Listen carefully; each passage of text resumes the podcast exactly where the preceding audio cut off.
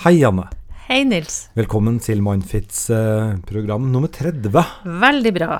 Og denne gangen så er det kjærlighetsspørsmål som eh, vi skal dvele ved. Det syns vi passer godt, siden det snart er sommerferie. Og du og dine psykologer, holdt jeg på å si, det er vel en del som kommer til høsten, som har fått tid til å liksom hoppe hamsterhjulet og sånne ting, og, og tenkt over ting og tang. Det er nok sånn at akkurat nå for tida er det litt lavsesong i yrket mitt, og så er det ganske mye pågang på høsten. Du har nok rett i det. Jeg tror mange, når hverdagen kommer igjen, da, så, så har de kanskje fått tenkt over at det, de må gjøre noe med både det ene og det andre. Ja. Uh, man lever bare én gang, osv. Uh, første spørsmål, det er uh, Det lyder som så. Jeg leser. Jeg har en tendens til å ta alt som foregår i mitt forhold til min kjæreste personlig. Dvs. Si, har han tøffere tider på jobben, eller ellers, så er jeg sikker på at jeg har gjort eller sagt noe feil, at jeg ikke er bra nok, osv. Dette igjen gjør at jeg maser på ham om svar på hva jeg gjør feil, hvorfor han ikke responderer på mine spørsmål osv. Han reagerer på en måte negativt på dette, og vi havner i en ond spiral. Jeg tenker at han ikke trenger meg og ikke bryr seg om meg, og sier at det sikkert er best at det er slutt, og at han sikkert får det bedre uten meg.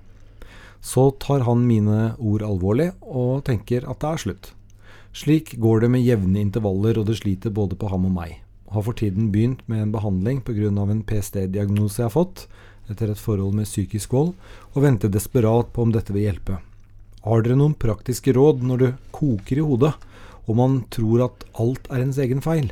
Er det konkrete ting man kan gjøre for å ikke signalisere alle disse problemene man har inni kroppen, slik at andre fanger det opp?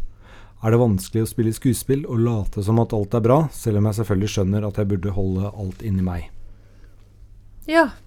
Eh, jeg tenker jo eh, at dette som blir sagt her om denne PTSD-diagnosen, kan være ganske sentralt for hvorfor denne eh, innsenderen eh, maser på kjæresten sin hele tida om, om, det her med om, om, jeg, om, du er glad i meg eller bryr deg om meg, eller kanskje ikke vil være sammen med meg. Fordi eh, hun har jo vært i et forhold før eh, der hun har vært utsatt for psykisk terror. Mm. Det som ofte skjer da, er jo at en får stressreaksjoner i lignende situasjoner i nåtid. ikke sant? Du har en partner som, som, ikke er som din forrige kjæreste på noen som helst vis, men du blir redd eh, for at du har gjort noe galt, så klart, fordi du har vært i et forhold der du hele tida har blitt utfordra på at du har gjort noe galt. Mm, så kroppen husker liksom? Ja, kroppen, kroppen, husker, så det er ikke så lett for uh, tankene eller den rasjonelle delen av hjernen uh, å få plass heller, da. Det blir liksom den følelsesmessige delen av deg som reagerer på det og som hun sier kommer i et mønster med mas da på om man bryr, bryr deg om eh, kanskje det best at det slutter, osv. Og, så og så får jo han sin reaksjon igjen, sånn som hun beskriver det. Eh, og så er jo liksom Altså, jeg har jo tro på at hvis du får rett type traumehjelp, så roer det her mønsteret seg ned. Det har jeg sett hos folk som går til meg. At da skjønner på et vis hele nervesystemet deres at dette er over, at uh, nå er jeg i en annen situasjon de kommer ikke sånn ut av toleransevinduet sitt, da. Nei. Sånn som det hun beskriver nå. Sånn at det er egentlig lettere sagt enn gjort å ikke få de her reaksjonene. Samtidig kan du si at du kan jobbe, eh, du kan jobbe med å prøve å få kobla på den rasjonelle delen av hjernen òg. Du kan jo prøve uh, å utforske i deg sjøl hva som skjer i de her situasjonene. Altså, hva trigger deg? Det vet hun jo en del om, det beskriver hun her. Mm. Hvilke følelser er det som dukker opp da? Og de er sannsynligvis ganske sterke. En sånn følelse av utrygghet eller et eller annet som, som aktiveres i deg. Så får du noen tanker knytta til det som du kan utfordre litt, ikke sant. For hun er det umiddelbare tanker. Har jeg gjort noe galt? Hva er feil med meg? Og det å vite at det her handler om noe hun har vært utsatt for før, det er jo liksom nummer én. Å prøve å si til seg sjøl at dette er jo ikke noe som Er dette en realitet nå? At en kan realitetssjekke litt. Mm. Uh, en kan jo også prøve å tenke litt alternativt. Altså uh, er dette Fins det en uh, er dette hele sannheten? Ser jeg det helt objektivt nå? En kan stille seg en del sånne kontrollspørsmål. Sånn at jeg tenker at før hun på et vis responderer til han, da, så går det an å prøve å utforske litt i seg sjøl, hvordan hun på et vis kan um, angripe det på en annen måte. Og dette tenker jeg også at partneren kan hjelpe til litt med, da. Men det hadde vel hjulpet litt for han også å få lov til å være med, kanskje, på en sånn uh, ja. traumebehandling? For det er, det er helt åpenbart at uh, det her har veldig mye å gjøre med hvordan hun agerer i dag. Mm. Så hennes fortid uh, spiller inn på deres uh, nåværende forhold. Ja, altså jeg tenker at, at uh, i en god behandling, når folk går til meg, når de har partnere og sånn, så tror jeg det er veldig lurt å invitere inn partneren, da. Og informere litt om de her plagene. og fortelle litt om hva behandlinga går ut på, og, og, gi dem anledning til å komme med noen spørsmål eller gi noe råd i forhold til hvordan de skal håndtere det. Og jeg tenker at uh, han har jo sitt mønster igjen. Han blir jo såra av Altså, hun fortsetter jo å si ja, da er det liksom at det er slutt, da kan det bare være slutt. Så han har jo også noen reaksjoner der, så jeg skjønner jo at det er vanskelig for han å holde igjen at han også blir eh, lei av det her, da. Mm. Uh, sånn at hun, hun, må jo prøve å utfordre seg. Altså, hun sier her nå om at hun vet at det beste er hvis hun holder alt inni seg. Men det syns ikke jeg er noen god løsning. Hold alt inni seg, det klarer ingen. Da bygger det seg bare opp, og så kommer det ut som. Og, og, det blir nesten sånn at det kan bli en større reaksjon av det. Men du kan prøve å noen ganger uh, Pust, altså ta en pust. Prøve å liksom Eh, Sett beina litt på jorda, og så spør jeg litt OK, før jeg responderer nå, kan jeg prøve å Jeg vet jo egentlig at mm. dette ikke er sant, han vil jo egentlig ikke gå fra meg, dette er noe som har skjedd meg før, som påvirker meg nå. At du prøver å snakke litt sånn til deg mm. sjøl. Og så samtidig så tror jeg det, at det å si til partneren at nå har jeg det sånn igjen, istedenfor at det kommer ut som en sånn ja. vulkan, du holder det inni deg, så kommer det plutselig babang. ikke sant? Nei, Hun kan jo nesten merke når du kommer og nesten signalisere med et rødt flagg, så at han også da skjønner at ok, ja, det ja. som kommer nå, det handler ja. faktisk ikke, ikke, om vårt forhold. Det handler om uh, skygger fra det tidligere. Ja, for det er veldig ofte at folk bygger opp altså De tror at det kommer litt sånn brått, de her responsene deres. Men min erfaring er at de ofte går og bygger det litt opp for at de har en målsetting om å ikke si noe. Men god traumebehandling, det finnes det jo veldig mange av. Ja, det gjør så, det. så dette her bør jo egentlig gå bra. Og hun har jo kommet veldig langt. Hun skjønner jo på en måte at dette er noen spiral. Hun skjønner at uh, hun bærer med seg tidligere opplevelser inn i det nye forholdet, at det ikke er sunt, og hun har lyst til å komme ut av det. Absolutt. Altså ikke ut av forholdet, men ut av reaksjonsmønsteret, da. Ja. Og så tenker jeg at det blir viktig å registrere positiv utvikling òg, for at den kan bli litt sånn svart-hvitt i tenkninga òg når en har et problem.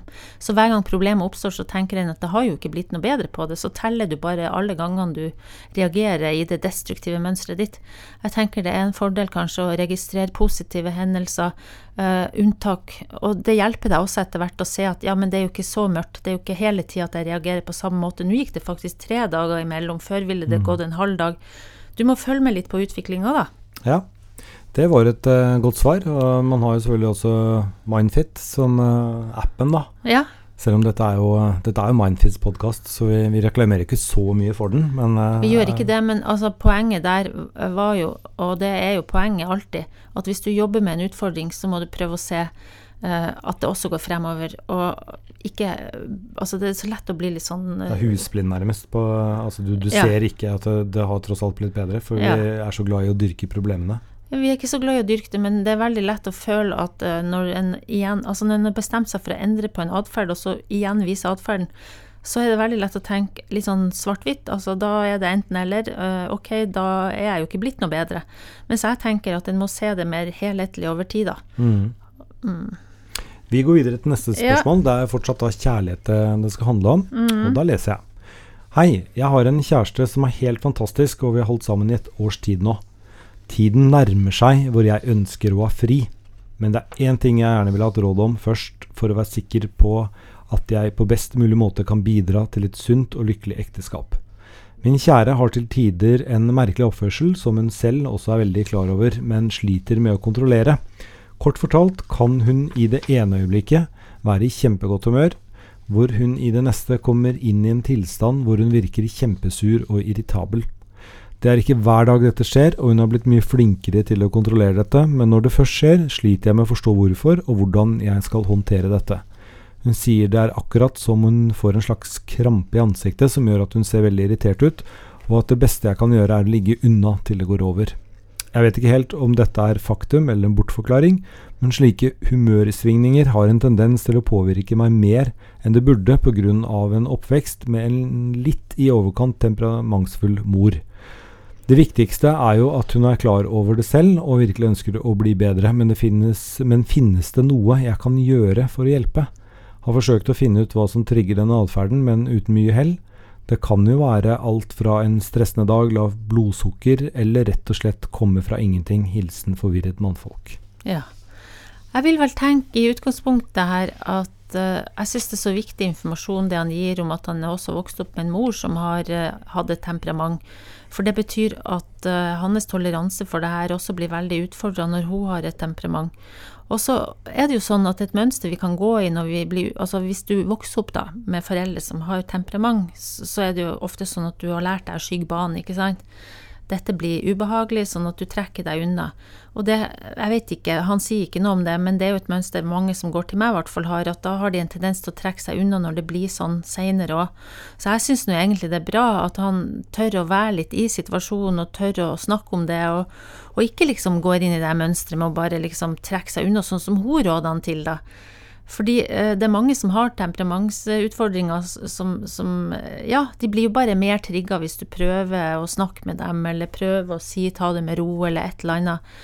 Men eh, jeg tenker at hun òg må jo utfordres litt på det.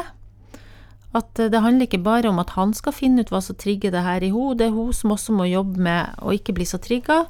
Og også kanskje snakke litt til han med hva hun kan tåle av respons fra han. Han må jo få lov å respondere noe, og jeg, tror ikke det er bra for han med det at han har vokst opp med en mor som også har temperament, så skal han liksom fortsette å være en som bare skygger banen, hvis du skjønner. Ja, eller som bare tar imot skyllebøtta? Ja, liksom. ja, jeg syns ikke det. Så jeg syns uh, han må finne måter å snakke med henne om det på. og og spørre også hva som går an der og da. Og det er lov å si at nok er nok for han nå, ikke sant. Det skal jo ikke være sånn at han bare alltid skal finne ut når stemninga er der for at det er mulig for han å si noe fra eller til.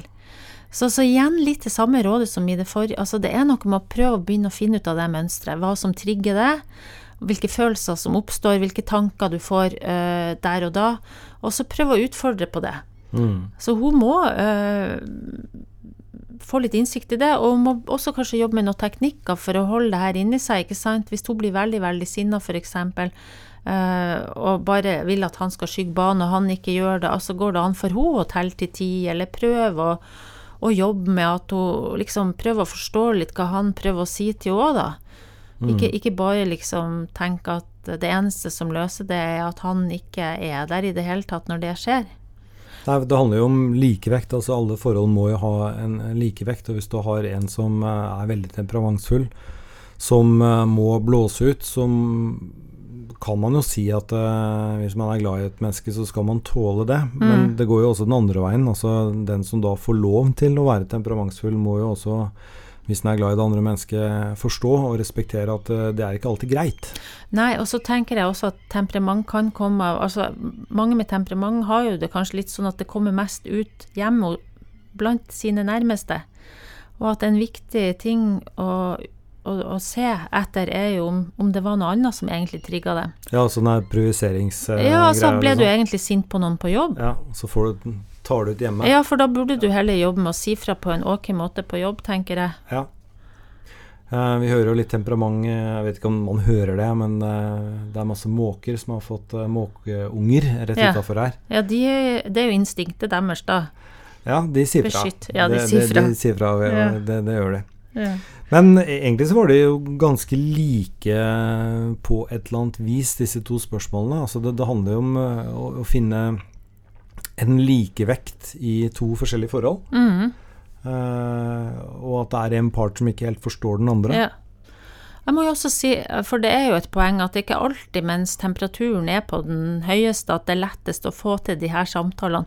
Og en, en, en, en del par gjør den feilen at at de snakker ikke om det ellers, hvis du skjønner. De bare skyver det litt under teppet, og så kommer neste konfrontasjon, og så har de det gående igjen. Mm. Så er det noe med at akkurat der og da så er det ikke så lett å få sagt uh, høre på hverandre i det hele tatt. Så det kan jo være en fordel å ta en samtale om det her når, når begge er litt rolige òg. Hva var det egentlig som skjedde i stad?